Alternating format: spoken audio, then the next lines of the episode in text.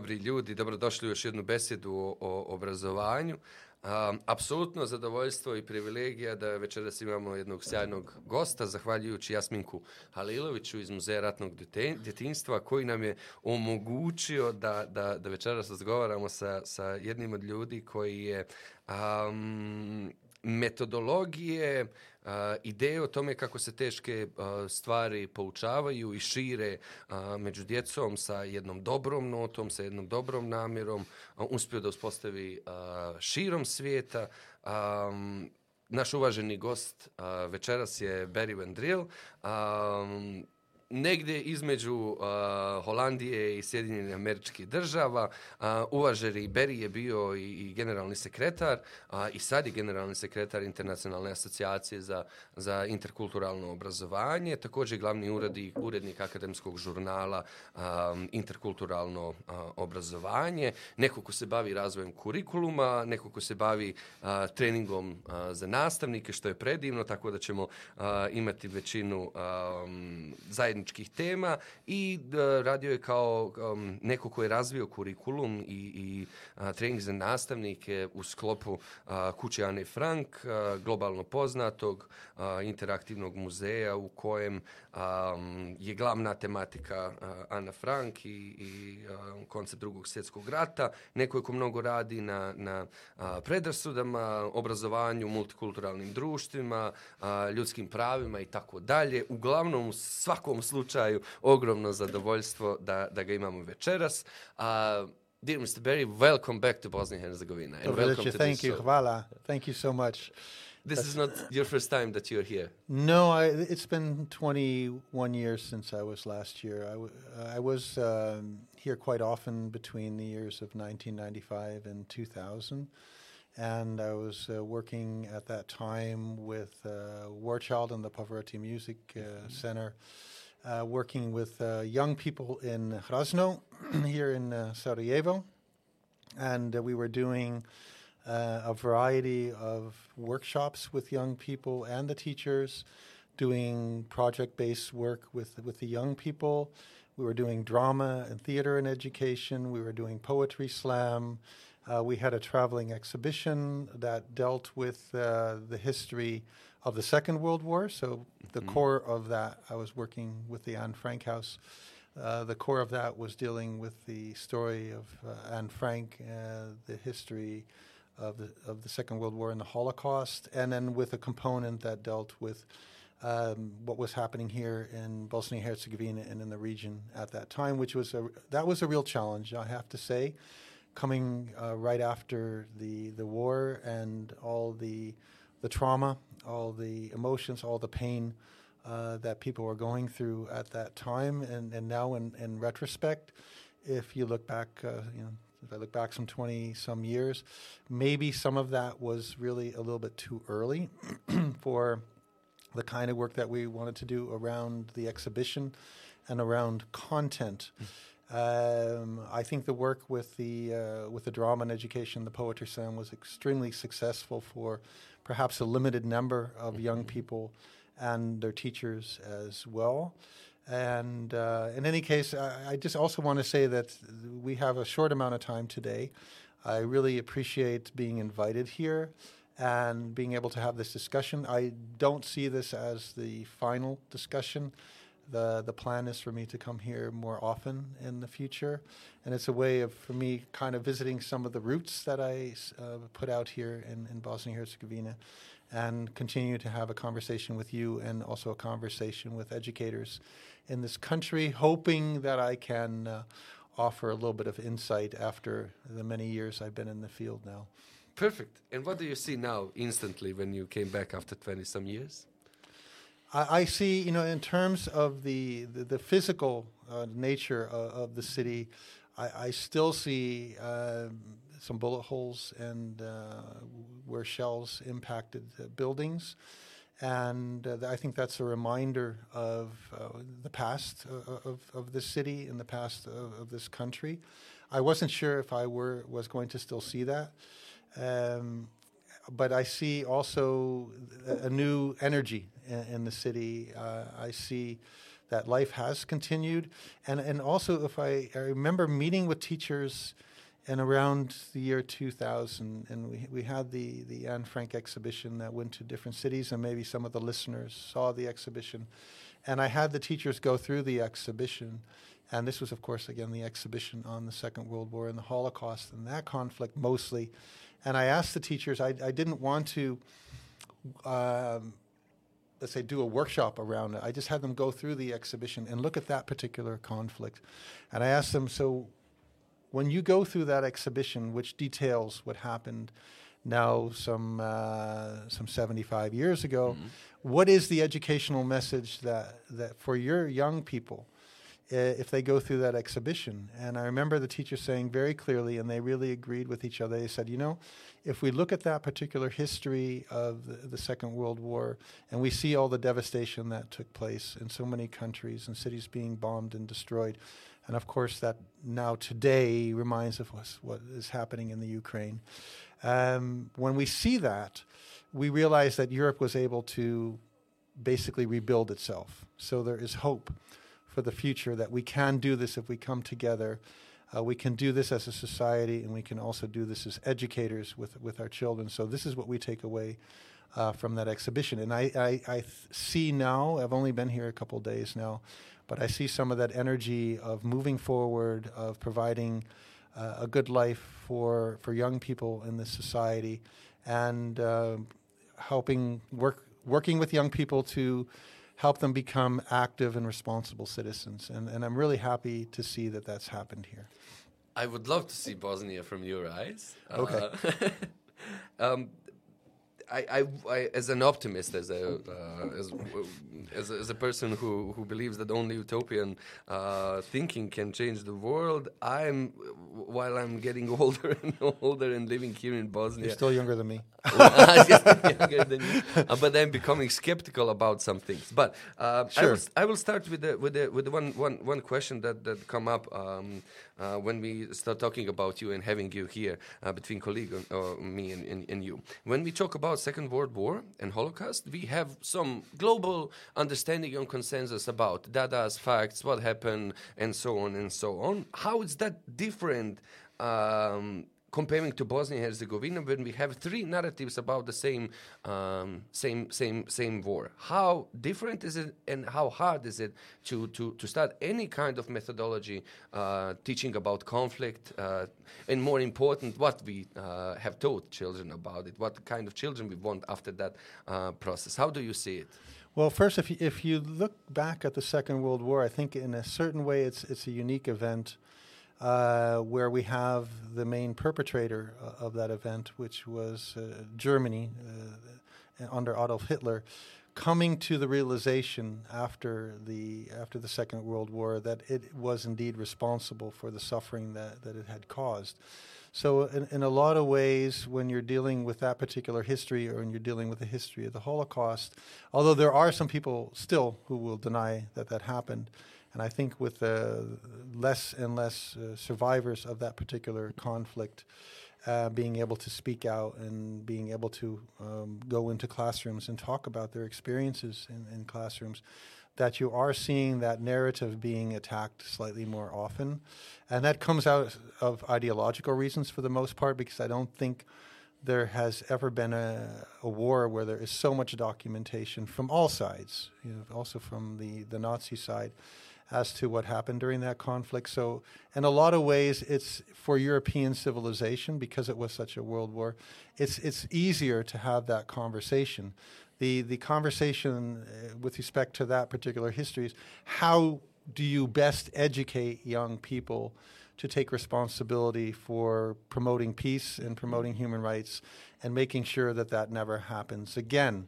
I, I think there's a, a, a, huge difference between that particular conflict, which almost everybody can agree on, right? There's this yeah, very very little disagreement. I said global consensus. very, of, uh, pretty much global consensus on that. Then when you're dealing with uh, uh, the conflict that took place in, in Bosnia Herzegovina at that time, and I think that. Uh, the, the key to, but this is me speaking from my own experience in, in different societies, that part of the key, there are different aspects to this. One is to make sure that people from different sides of the conflict who are teachers, because we're talking about education, that they have the opportunity to listen to each other. That's still not happening enough anywhere. Uh, so that means for um, educators that are working with young people, the key is not necessarily to try to p- push one's own narrative.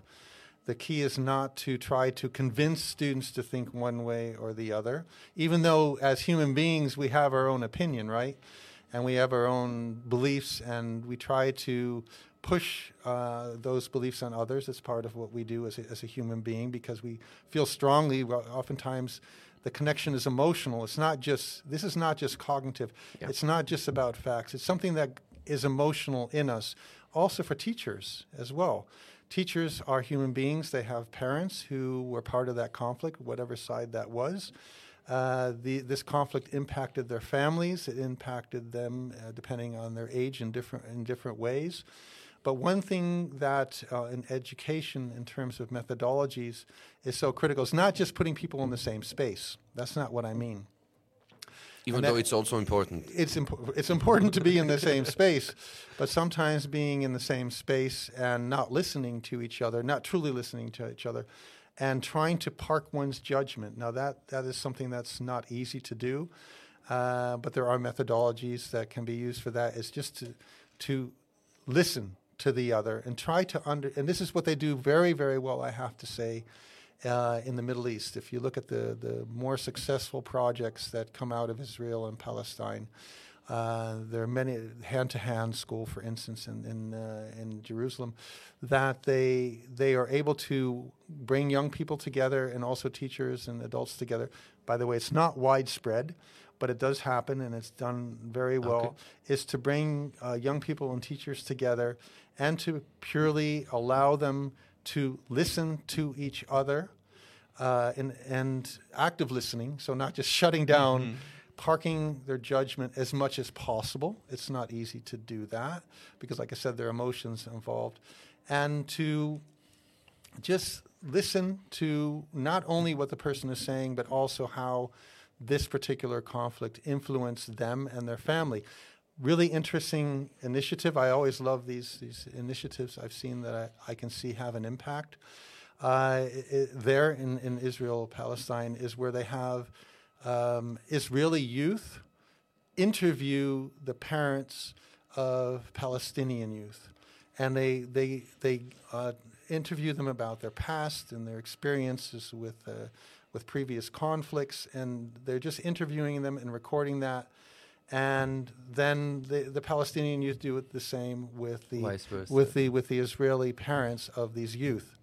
So they have they do this project, and what you see when they do this kind of project, and here in Bosnia Herzegovina, it might be multiple narratives, of mm-hmm. course, is at the very personal level. So it's no longer abstract. It's no longer facts because facts don't convince. You know, we're very immune. We are very immune as human beings to facts.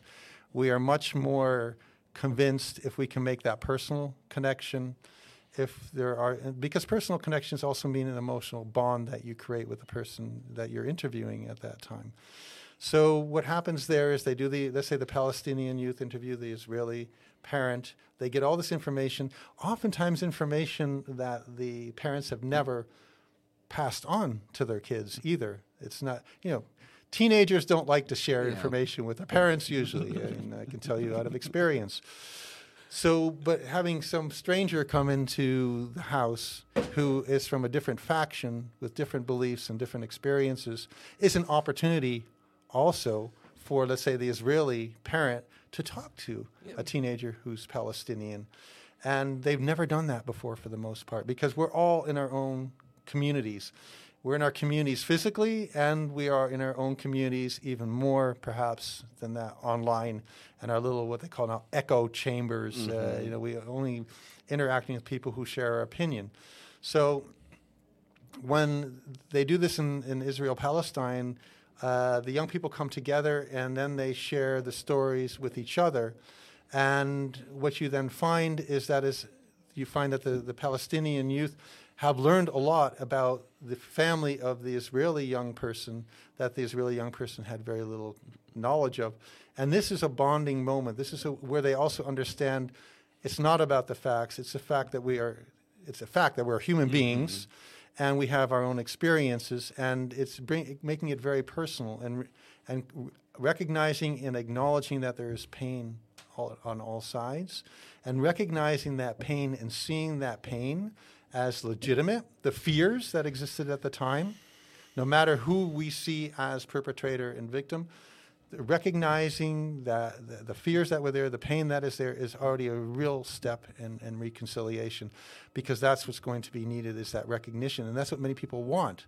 They want that recognition of what happened to me, what happened to my family, what happened to my community, not necessarily taking on the narrative as such, but recognizing there is another narrative, and that uh, that that this is something mm. that needs to be recognized. Yeah. And now I'm, I'm, I'm pretty pretty pretty anger angry about the idea that that now I see when you talk about it I, I see I see the way I see the people of Bosnia uh, having conversation together really facts does not uh, convince that's that's beautiful but emotions and, and personal stories do. But what we're going to do about these dark forces who are pulling it, it, it back to the to the to the narratives that that they want to have uh, at the moment? Well this is that's a political question yeah. more than anything else. I think if we're talking about uh, education and educators um, I think it's important uh, for teachers and educators to try to create these kind the kinds of safe spaces in classrooms, and that's not always so easy, where these kinds of conversations can be had with young people about what you call dark forces or different influences from, from different sides. Um, I think, as a, like I said, as, as educators, and I'm an educator too, we have our principles, we have our values, we have uh, the narratives that we prefer, um, and the question is then to what extent do we actually share those with the students? They, they might have very different uh, views coming from their from their homes as well. To what extent do we push our own values and our own views? Now, teenagers are not stupid for the most part. They can see through something that's mm-hmm. not uh, that's not authentic. Uh, but I think for the for teachers, it's, it's it's a key to try as much as possible to really push critical thinking among young people to to push reflection, and there are multiple aspects to all this. Um, but I think, in my own opinion, having worked with many organizations, um, as much as possible, trying to create that space where you tr- do not so much present your own opinion. Because the minute you present your own opinion or your own ideology, no matter what that is, uh, some students will feel excluded and they're not going to share. They're not going to be willing to uh, to express what they mm-hmm. really feel about this. Now, these forces you're talking about, you call them dark forces. Uh, if we want to promote critical thinking, one of the real places that there are threats now that we see in, in society is online. Uh, at the very personal level, at the very uh, the experiential, the experience level of, of young people in, in a classroom, this oftentimes refers to the kind of cyberbullying that might be taking place uh, and it's cyberbullying is very different, of course, than traditional bullying because it's 24/7 and happens nonstop. You can't escape it uh, that easily. Whereas you know traditional bullying was happening in the school or in the playground. But also the uh, propaganda and, and the disinformation that uh, that you see everywhere online. Uh, I already mentioned these these echo chambers mm-hmm. that people go to, and uh, young people, of course, form certain cliques. They uh, they there are extremists. I won't go beyond that. There are extremists that know that they can reach they can reach young people through through the internet. They can reach them through uh, through social media, um, and they will go looking for vulnerable young people. Uh, they're quite sophisticated sometimes. I say, and you're seeing a lot of that at the moment taking place. Uh, and this new conflict that is happening in the Ukraine, the amount of propaganda and disinformation is, is enormous. Uh, but what does that mean for an educator when, when, as an educator, you know that young people are being influenced by this, they're being reached by this, uh, they're going online, they're seeing this information maybe in school, maybe at home as well, probably at home. And uh, you know, the parents are online as well. So, this is where a lot of this influence is now taking place. It's really shifted to that. It's no longer the posters that you have along the, the road. It's no longer in, in the textbook so much. It's really, uh, for the most part, online. And so, what does this mean as an educator? Um, it means having a certain amount of skills, some some competences we call them, uh, to be able to work with young people and helping them understand and gain awareness of what is disinformation, what is propaganda mm-hmm. online, and it's not as what. And, and it's, some of it's fact checking. So this is being this is being argued.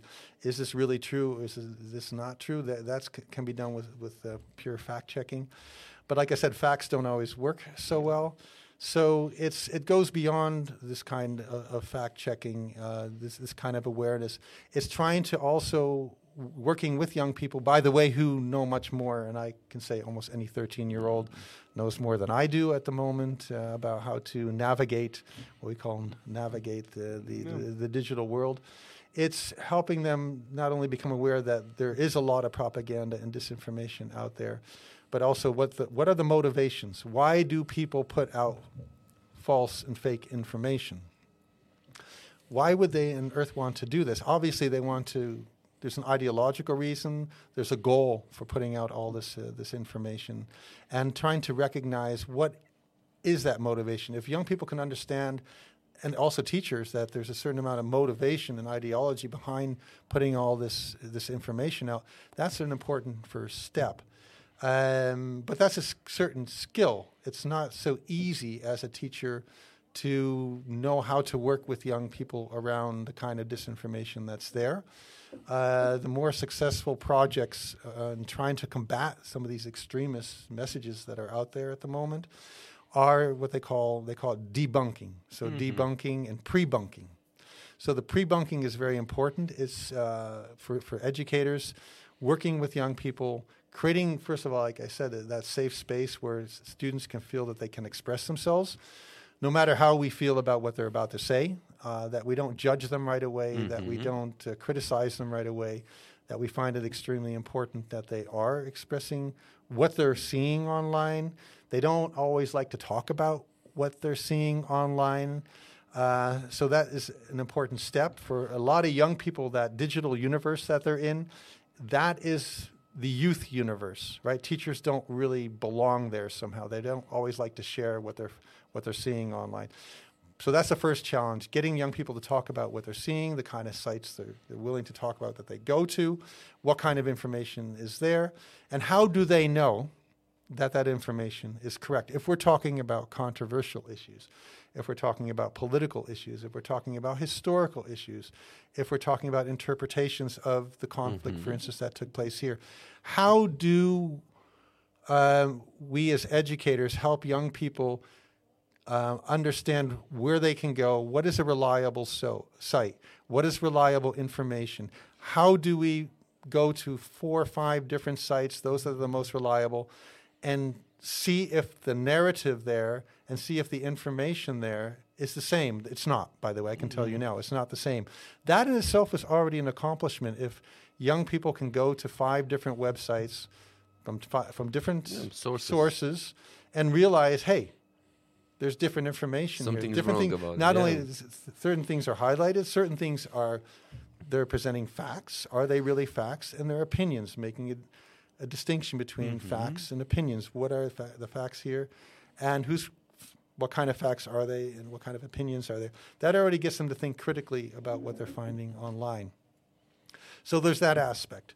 Then the pre-bunking. I mentioned pre-bunking, yep. and pre-bunking is warning young people already in advance. You are going to find this kind of information. And these are the kinds of arguments that will probably be used. And these are why these arguments are going to be used. And these are the purposes of these arguments. This is what they're trying to accomplish with these kinds of arguments. Mm-hmm. That kind of pre bunking is fairly, fairly effective. Mm. Fairly effective. Nothing is perfect, of course. Um, I'm sad that we didn't have opportunity to, to, to hang out before because we share lots of um, we, we came from from same paradigm, in, including this concept of, of critical thinking, including the concepts of uh, how we can. There was a huge topic in Bosnia about de-radicalization, Right. Uh, five five years ago, and it's still ongoing. Uh, and we pushed the, the agenda, the, the only co- concepts of critical thinking and schools as a safe place where children do belong and feel that they belong there can be one of the uh, predictors how you can. Um, um, how you can work on it with the, with the children uh, without mentioning the concepts of de-radicalization and some uh, and, and kind of that. Well, Can they I- won't. They won't understand what that means anyway. they don't understand. But the concepts of critical thinking are universal. Concepts of belonging and safety are, are, are universal. Uh, but can I just add one more layer of, of complexity? There was a, in 2018 in Bosnia and Herzegovina, the, the first and last one, PISA, um, um, um, PISA research here in Bosnia and Herzegovina, and we got uh, catastrophic results. We got results that almost 50% of our children are functionally illiterate.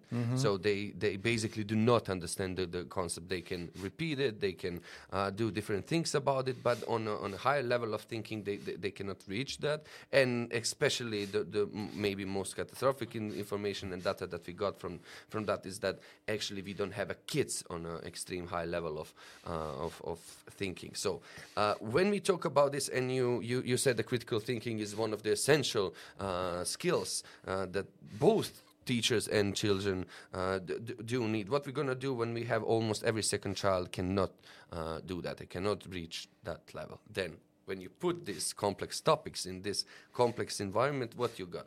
I can also go back to um, PISA, which has uh, now some questions on being able to recognize disinformation and propaganda.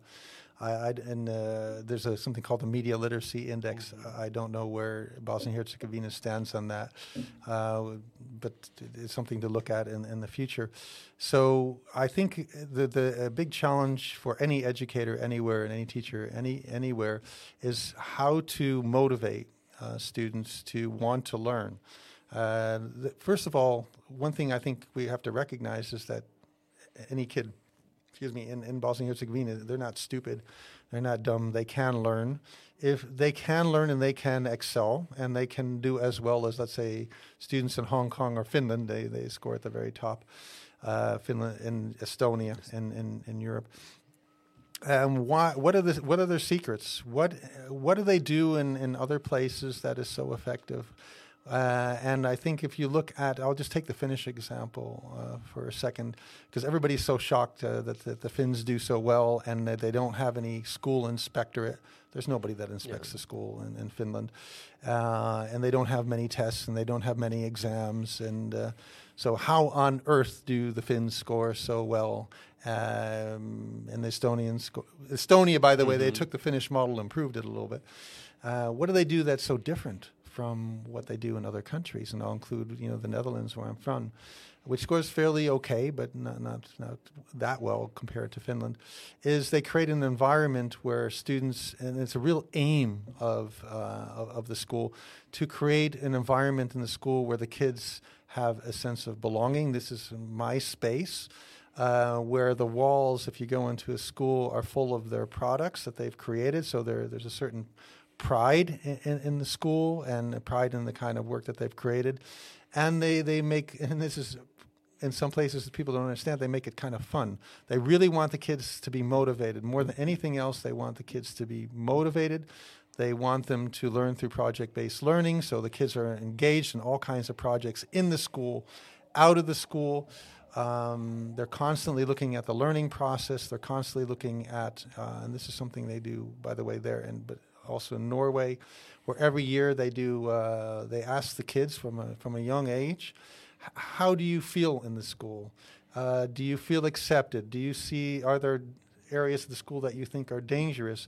Do the teachers t- treat you with respect?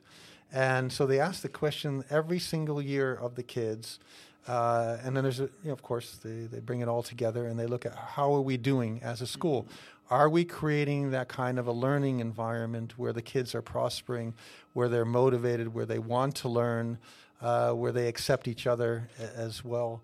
And uh, they, they make the adjustments based on that. But so much of it is, is based on not kids being stressed out all the time, having to pass a test, having to we call remote learning. So they're just studying the materials and studying the facts and studying the information, but much more based on analyzing the information, working with the information.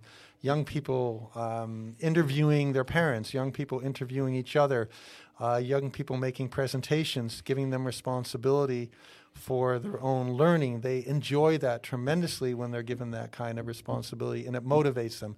So the and that I have to say that works well. It works. Per, no, nothing's perfect. Works extremely well in a context like Finland, where they have a lot of freedom. Uh, one of the uh, the real challenges in so many countries uh, across Europe and, and, and, other countries even more so, is that uh, the system can be fairly rigid, and teachers don't mm-hmm. have the kind of freedom that they need. Uh, to, to, do these kinds uh, of projects. And in that way, you're reaching the limits of what teachers can do. Mm-hmm. Uh, teachers everywhere will say, number one, I'm overburdened. I have to mm. stick to the curriculum. Uh, I don't want to be, especially when you're talking about controversial issues and issues that really excite young people.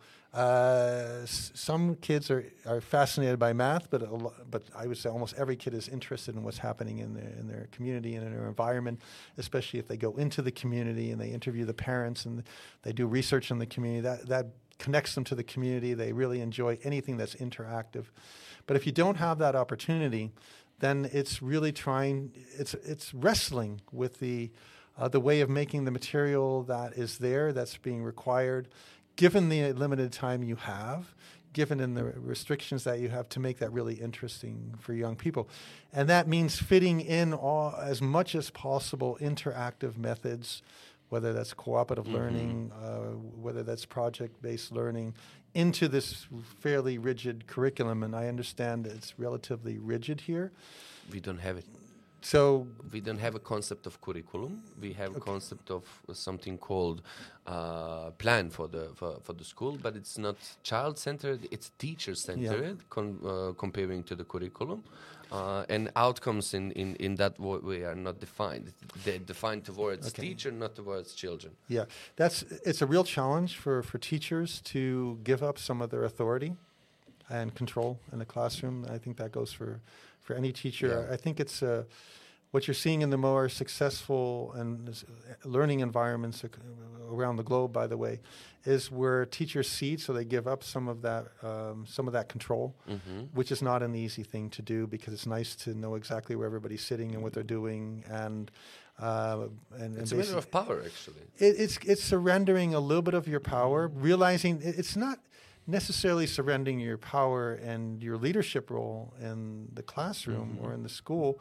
It's redefining it. Yep. Seeing yourself as a teacher as a person who's facilitating a process where the students are responsible for their own learning and also is helping each other with that kind of which means more noise, more interaction, uh, monitoring who is taking the lead, making sure that every student is engaged. That is a very different role for a teacher, this facilitation role, than the teacher who's standing there lecturing at the students and getting students to raise their hand if they want to say something. Uh, that's a transition. That's that's not an easy thing to do, and uh, it's important also, if at all possible, that the the heads of schools need to support that. Ministries need to support that with that lacking, it's, it's a real challenge for teachers to be able to make that transition. However, that transition is becoming, it was always important. I mean, in the last couple decades, if you look around Europe, that transition slowly has been happening where students are responsible for their own learning and teachers as facilitators in the classroom. But um, now with the, the new digital universe, and especially with COVID, um, where so much uh, education was happening at home and was happening remotely, if uh, that push has been even stronger, uh, where students have had to take uh, more responsibility for the learning, and the teachers have not even been there physically. So, um, in a situation where students know more about the digital universe, are more equipped, more skilled in going online and finding whatever information they find online, whether that's extremist information or whether that's educational information.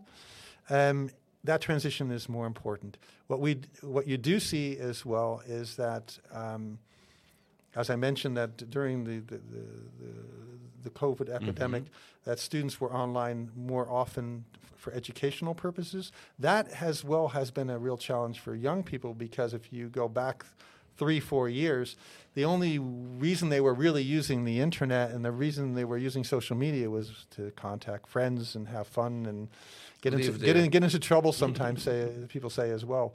So yeah, and young people do get into trouble. Obviously, uh, I mentioned already cyberbullying, extremist messages, but they get in trouble in different ways. Uh, and and parents don't have those skills and capacities either for the most part. The unique thing we have, the unique situation in the school is that there is a certain amount of monitoring that's happening in the school when it comes to uh, when it comes to the internet, when it comes to the digital universe, and it's a unique opportunity for teachers to engage with young people and trying to use it responsibly and and respectfully. Uh, where else is that going? To, it's not going to happen anywhere else. Where else would that happen? But in the schools. But it also means that space has to be made in that very busy schedule that teachers have. Space has to be made to for that to take place. So that means how do you integrate that kind of work How with the digital universe in, in The history? back to the school. Yeah, how do you how how do you do, but how do you do that in the classroom? What opportunities do you provide after school for the kids, even for the parents, if you have time? But you know, I see people getting tired already. Really, I have to talk to the parents about this as well. Um, it, it costs energy, and, and teachers are already overburdened, like I said. But nevertheless, it is the one place where we we have some control and some kind of monitoring that's take place, taking place with respect to this digital universe. And so, therefore, there's an incredible opportunity and also, also a responsibility, I think, if we want to promote a, democratic society, that is where that needs to happen, not elsewhere, because it's not going to happen elsewhere. Uh, students are not going to, outside of the school, educate each other about this. Uh, so, They therefore, will educate it, however. and in a different kind of way. yeah, they, like I said, they'll, they'll get into the they'll get into trouble. They'll get into trouble. Um, and so that is that is a real challenge, but it's something that has to happen Yeah. sooner or later. I just don't see an option B. No, there is no I just B. don't see option B. We have to do everything what's in our power to to to, to transform the schools. Uh, let me go back shortly on on on uh, while you were developing. I, introduction, I gave information to the people about about you, what you did, and one Sure. of the things that I mentioned is that you developed a curriculum for the for the Anna Frank House and Yes. and teacher training programs. So, Yeah. what was in your head while developing it? What what filters? What expectations? What you want to um, teachers and, and, and, and maybe children who were uh, part part of the Anna Frank's house uh, to to to feel, to to experience, and so on. And while we are in, the, it maybe it's important for, for you to understand at this moment at the, at the in Bosnia and Herzegovina, on different places, we are we are doing this curricular reform Yeah. uh, about certain subjects and so on and so on. And it's really important for us to to to to um, to to find out about the the, the uh, how how people develop curriculums. How what, what are the steps for developing cur- curriculums? It's it's 101, let's say uh, like that. Well, with the, with respect to the Anne Frank House, and I was Mhm. responsible for teacher education Mhm. internationally there. I think there there are different things w- that we were aiming for. Um, I think one of the main aims was to help teachers use materials that are that are interactive, that are engaging for their students, and to gain the the confidence. So it's building co- self confidence, it's building uh, their capacity, and also building a network for them to to work with each other.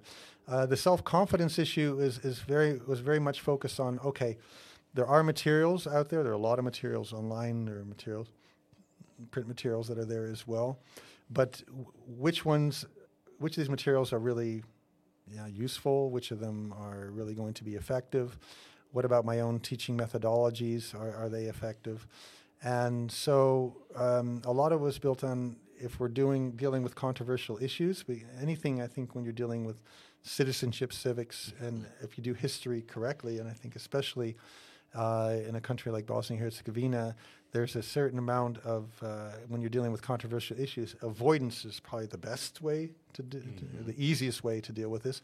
Let's just avoid the topic altogether because. Uh, you know, I'm not a, I'm not a psych. I am a psychologist. I'm a social psychologist, but uh, most teachers are not psychologists.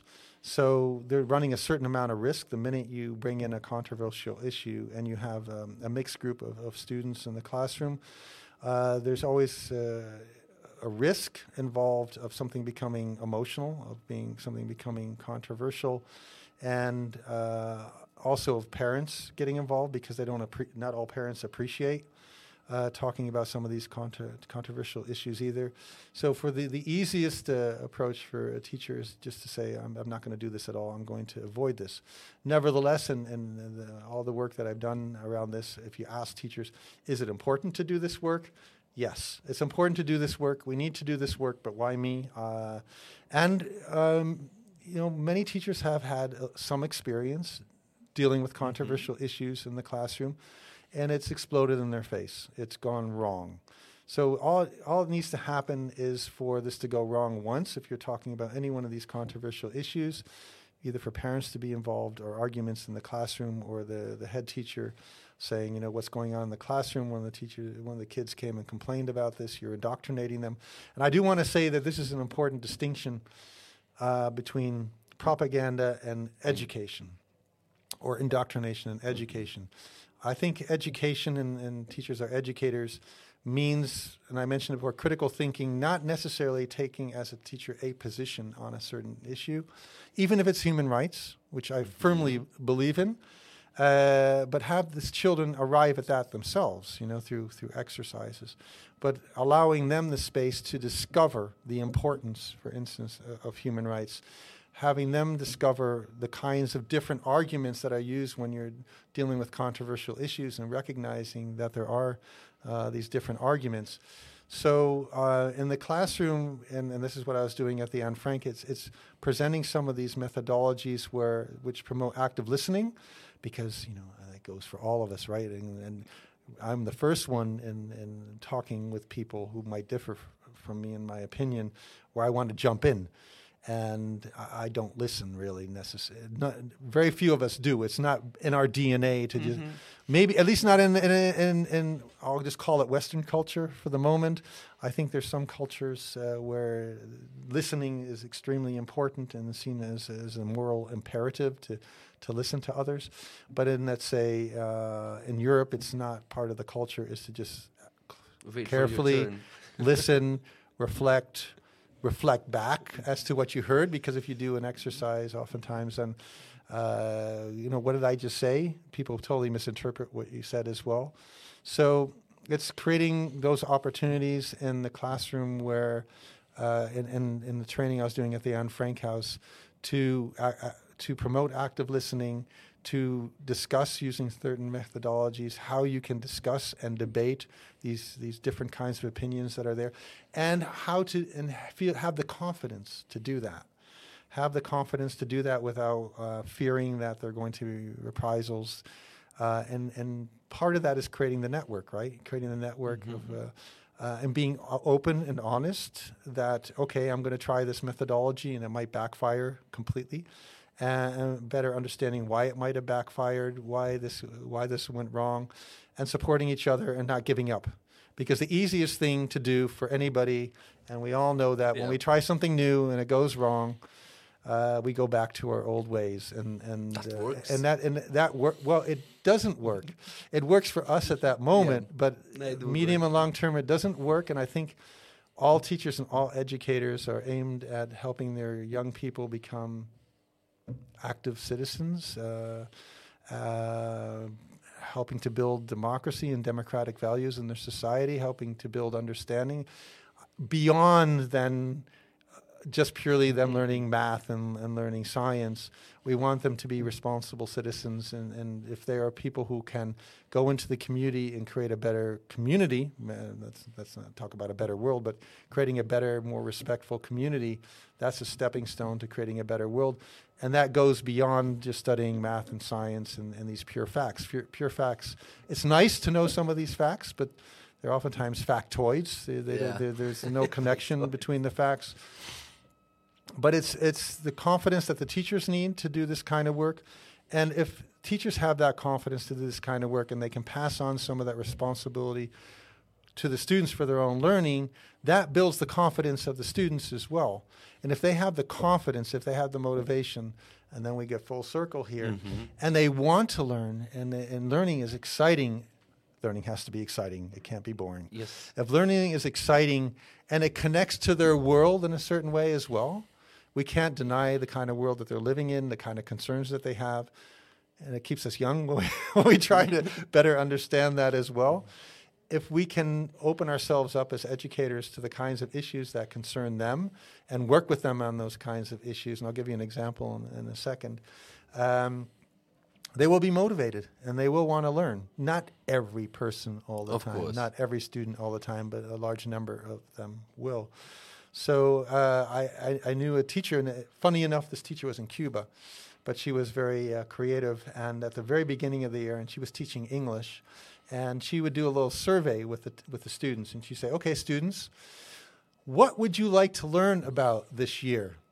What are we going to learn about at the very beginning of the school year? And well, this is the Cuban situation, right? So the Cuban situation, well, teacher, uh, we want to learn about dating, okay, and we want to learn about uh, tourism. Those are two issues. Mm-hmm. Yeah, uh, teenagers want to know about dating and about the other sex, right? That's what they want to learn about. She said, okay, let, let's be safe here. let's do tourism. So this year, what we're going to focus on in English class is we're going to deal with tourism, and I'm taking it upon myself to find literature and texts and projects that all deal with tourism. And they said, okay this gave them buy-in at the very beginning of the year uh, into what they were, how they're going to study that. She was a little bit challenged trying to fit that into the kind of, you know, they call benchmarks mm-hmm. that they had, but she was able to do it. Uh, it took some time, it took some energy, and it took a few weekends for her to find that. But the re- end result was that the students were, that's just one example, were extremely motivated. Beautiful. Yeah. You have to promise us that you will come again believe yeah, this is the start. Be, believe, or, believe or not, this is already close to, okay. to, more than an hour. So I'm I'm really depressed that we didn't tackle so many well, important issues and questions for the for the, for the for the listeners or, or viewers of this. Uh, when he uh, gave me my, those questions, I said that's four or five hours and I, I, really enjoy the conversation. And like I said, it's an ongoing conversation. It is. Next time we're going to talk about inter- intercultural sure. education. How do you understand it? Um, the, the how we treat intercultural and multicultural. Is there any difference, and mm. so on? Mm. Uh, how to co-construct the process that, that that works. I would love next time to, t- to, to speak about two of your books. Sure. Uh, one of confronting uh, Islamophobia yeah. uh, in educational practice, and another is challenging homophobia, teaching yeah. about sexual diversity. Those are again two two things that I want to um, talk about next time. But sure. for the for, for, for the end, uh, do you have some instant advices how to um, for for the teachers how to talk about this um, Russian invasion at this moment because it's important for the for the children. They're hearing the, the, the news, they're hearing the information, but we do not tackle those issues at the school. And another thing that's how we end uh, every podcast. Uh, it's for you to recommend us at least two books to read. Um, we would love.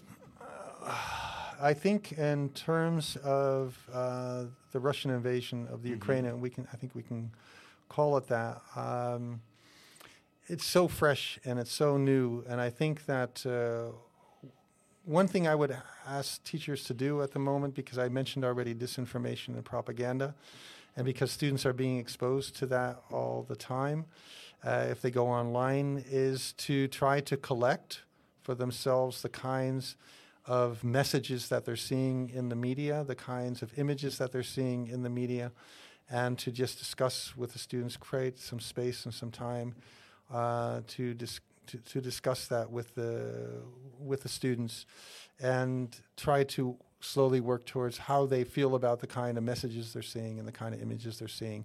I wouldn't start with any in-depth analysis. If they people do want an in-depth analysis, I think they should look at uh, the history of, of, of, the Ukraine because there's so much disinformation about the history of the disinf- of uh, the Ukraine that's coming out of uh, Russia at the moment. So, um, looking carefully at uh, at that aspect, and also trying to. I mean, uh, there's so many things they can do because I know refugees are flooding into into Europe at the moment.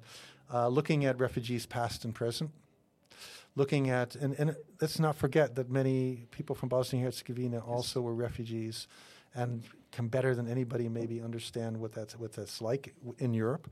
In any case, uh, trying to understand what what is it like being a refugee? What are these experiences like?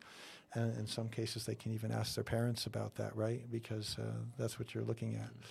Um, I'm not going to recommend uh, books as such. I, I think um, I'm going to recommend recommend two sources that connect to that as well. And I would uh, recommend that teachers read the uh, 1951 UN Convention on Refugees. Mm-hmm to look at refugee rights. Uh, that would be, let me just leave it at that. That one, if they can do that, I think that's a really important discussion with their, with their students. This is the UN convention. Actually, there were some mm-hmm. conventions after that as well.